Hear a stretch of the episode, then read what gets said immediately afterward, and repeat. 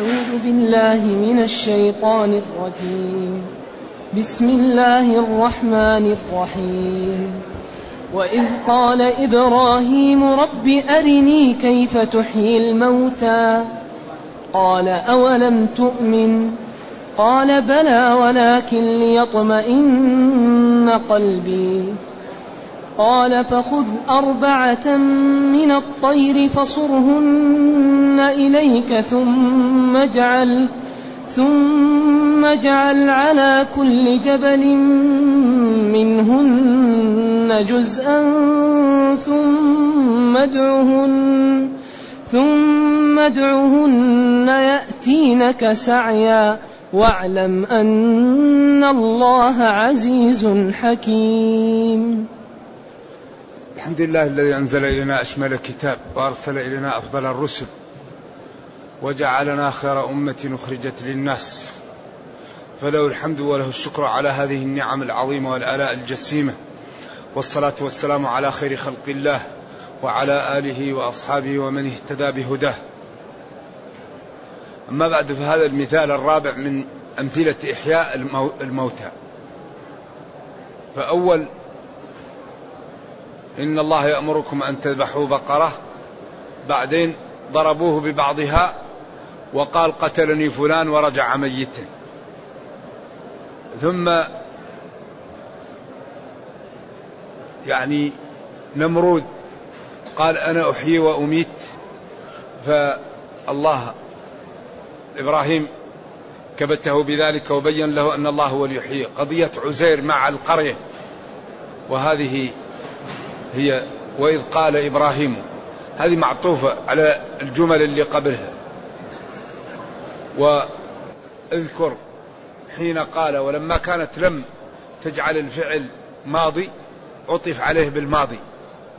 أيوة لأن لم إذا دخلت على المضارع قلبته إلى المضي. واذكر وقت قول إبراهيم وإذ قال إبراهيم لربه رب أرني كيف تحيي الموتى. يا ربي أرني كيف تحيي الموتى. ولم يقل أرني إحياءك الموتى وإنما كان يريد الكيفية. يعلم أن الله يحيي ويميت لكن كان يريد الكيفية. ولذلك مراتب العلم ثلاثة. علم اليقين وعين اليقين وحق اليقين. أيوه. فعلم اليقين ما كان عند إبراهيم. وهو الآن يريد عين اليقين. قال أولم تؤمن؟ قال بلى. أنا آمنت ولكن ليطمئن قلبي. حتى لا يبقى لي أدنى شيء لأن الإخبار ليس كالمعاينة. ليس الخبر كش كالعيان. ولذلك موسى لما أخبر بعبادة قومه للعجل ما تأثر لكن لما رآهم عاكفون رمى الولاء حتى تكسرت وأخذ برأس أخيه وبدأ وأخوه هارون يقول ابن أم لا تأخذ بلحيتي ولا برأسي إني خشيت أن تقول فرقت بين بني إسرائيل. فهو على طول لما رأى القضية ولذلك المشاهدة تختلف عن إيش؟ عن الإخبار. كيف السؤال عن الحالة الكيفية. ولذلك تقول لفلان كيف حالك؟ أنت تعرف أنه على حال لكن كيف نوع الحال؟ أنت تعرف أنه زيد وتعرف كل شيء عنه لكن تسأل عن أحواله. لكن إذا كنت لا تعرف تقول ما زيد؟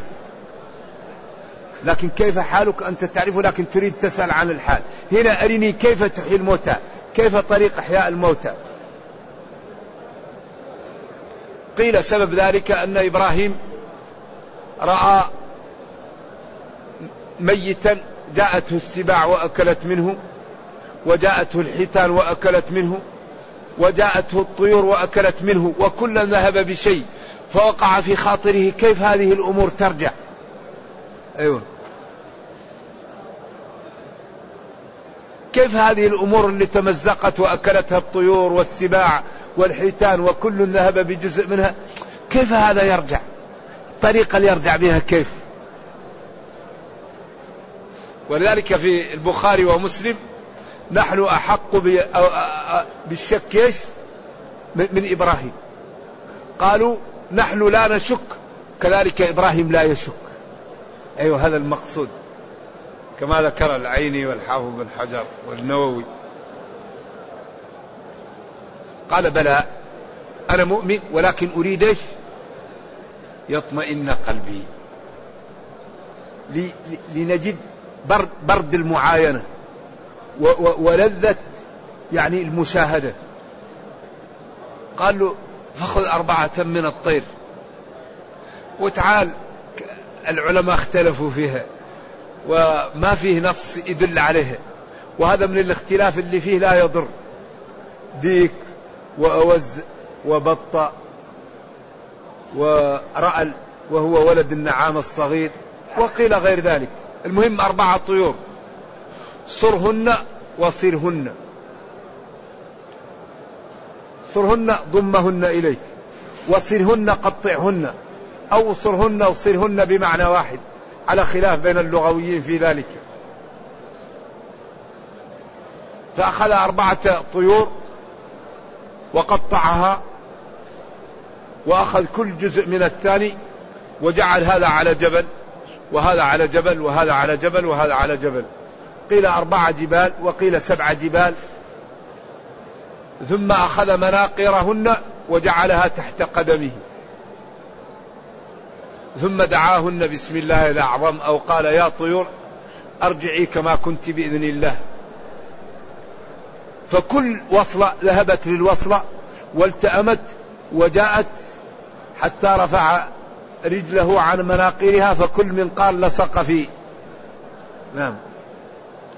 وهذا من بيان قدرة الله تعالى وأن ما أراده يكون.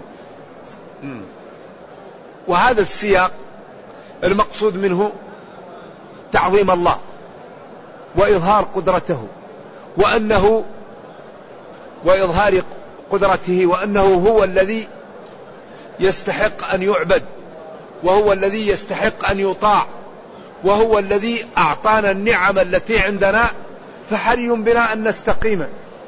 إذا اذكر وقت قول الله تعالى لإبراهيم قول الله تعالى قول إبراهيم لربه ربي يا ربي أرني بين لي وعين لي كيف تحيي الموتى؟ ما الطريقة وكيف تحيي الموتى؟ فقال له أولم تؤمن؟ أنت في شك؟ قال بلى أنا لست في شك ولكن أريد أن نعاين. فقال له خذ هذا واجعله وفرقه وقطعه ثم ادعوهن إيش؟ يأتينك سعيا. كل واحد يأتيك سعيا. ثم قال واعلم أن الله أيوة عزيز غالب حكيم يضع الأمور في مواضعها. ولذلك ما دام الله عزيز وحكيم فينبغي للعاقل أن تكون العلاقة بالله على ما أراد الله لأنه عزيز. وحكيم العزيز الغالب والحكيم من الحكمة الذي يضع الأمور في مواضعها. فما دام ربنا عزيز وحكيم فليطمئن من سار في ما أمره به وما دام عزيز وحكيم فليخف من يعصيه. ولذلك واعلم أن الله عزيز حكيم هذا صالح للترغيب وللترهيب وللتخويف. طيب ما رأيكم نكتفي ولا نزيد؟ أسئلة كثيرة؟ طيب. اذا واضح. والحقيقة يا إخواني أن هذا الكتاب الذي هو القرآن كتاب جاء لإنقاذ البشرية. هذا الكتاب جاء لينقذ البشرية. كل ما نحتاج إليه موجود فيه. فحري بنا أن نعطيه الوقت. نقرأه وندرسه ونتدبر أوامره أوامره ونتدبر نواهيه ونعيشه.